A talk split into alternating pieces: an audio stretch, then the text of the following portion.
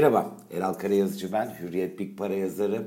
Yeni haftaya başladık, Mart ayının ikinci haftası. Nasıl bir hava var derseniz, karışık, kararsız ama olumluya evrilme ihtimali biraz daha yüksek görünen bir hava var piyasalarda.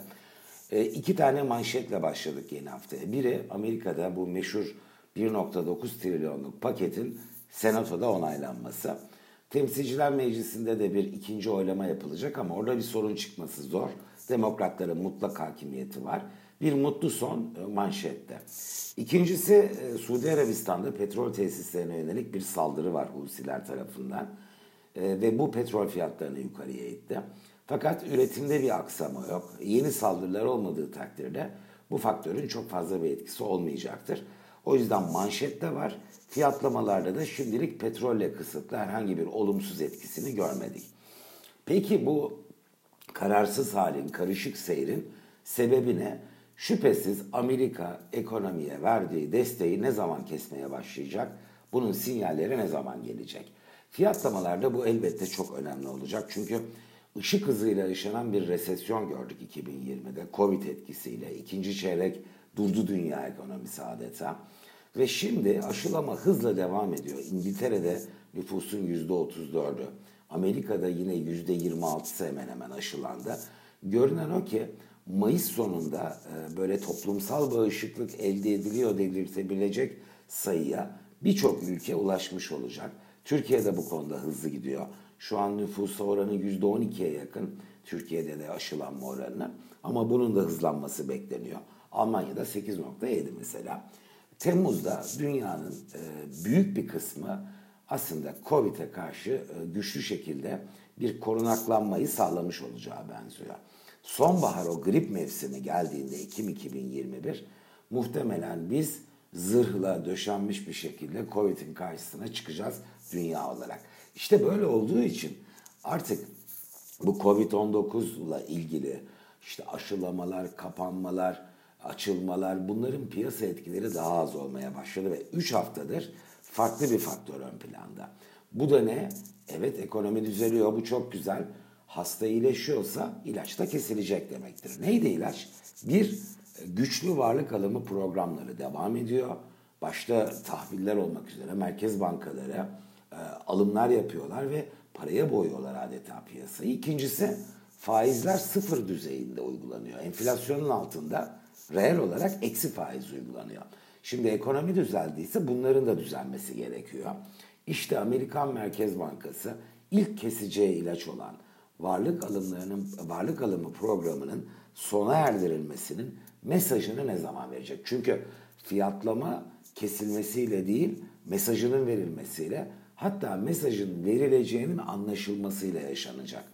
Şimdi bir geçen hafta Powell dengeli bir tavır aldı, bir e, konferansa katıldı ve orada işte sorularla soruluyor kendisine, açıklamalar yapıyor. Bekleniyordu ki arkadaşlar rahat olun yani o bizim daha ekonominin düzelmesi için beklememiz gerekiyor. Öyle kolay kolay biz varlık alımlarını kesmeyiz. Bu iş daha devam eder demesi bekleniyordu. Fakat öyle demedi. Daha dengeli bir tavır, daha dengeli bir tutum aldı. E, ve öyle olunca kafalar karıştı. Amerikan tahvil faizleri yükseldi. Borsa endekslerine gelişmiş ülkeler dahil satışlar geldi. Ve dendi ki ya acaba e, Amerika kesecek mi bu işi? Bunun altyapısını mı hazırladı? Bence e, Powell e, öyle acemilik falan yapmadı. Bilerek bunu uyguladı. Finansal piyasaları bu geçiş sürecini hazırlıyor. Bir sıcak, bir soğuk, bir sıcak, bir soğuk değil. E, ben en geç e, Haziran ayında Fed'in e, bu sinyali vermesine e, ve varlık alımlarını da sonbahardan itibaren kesmeye başlamasını 2022'de bir varlık alımı kalmamasını bekliyorum. Sonra da faiz arttırım meselesi ve onun fiyatlaması, zamanlaması olacak. Şimdi biz yakına dönelim. Eğer 17 Mart tarihinde iki gün süreli bir toplantıları var. Fed bu konuda piyasa şimdi çekiniyor ondan piyasa soğuk beklerken biraz sıcak olursa bir rahatlama yaratır. Öncesinde bir konuşma, bir mesaj olmayacak. Suskunluk dönemine girdi Fed üyeleri. Şimdi papatya falı buradan açılacak. Benim bas senaryom en erken 28 Nisan tarihli toplantıda veya hemen öncesinde bu sinyalin gelmesi. Fakat daha kuvvetli ihtimal e, Haziran toplantısında Fed'in bu mesajı vermesi. O yüzden finansal piyasaların bir süre iki ay kadar ana temada olumlu bir seyir ben gösterme ihtimalini daha yüksek buluyorum. Ee, Türkiye tarafına bakarsak iyi bir şey var.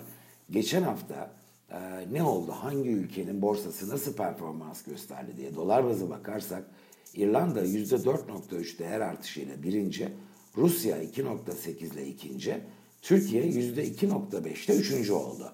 Bu Ocak ve Şubat'ta gördüğümüz negatif ayrışma serisini takiben Türkiye'nin uzun zaman sonra önlerde yer aldığı pozitif ayrıştığı bir hafta oldu.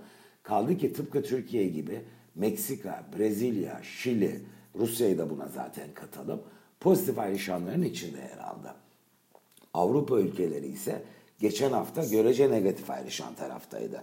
Bunu önemsiyorum. Bu bir süre devam edebilir ve en önemli nedeni elbette Rusya ve Brezilya için petrol fiyatları çok etkili.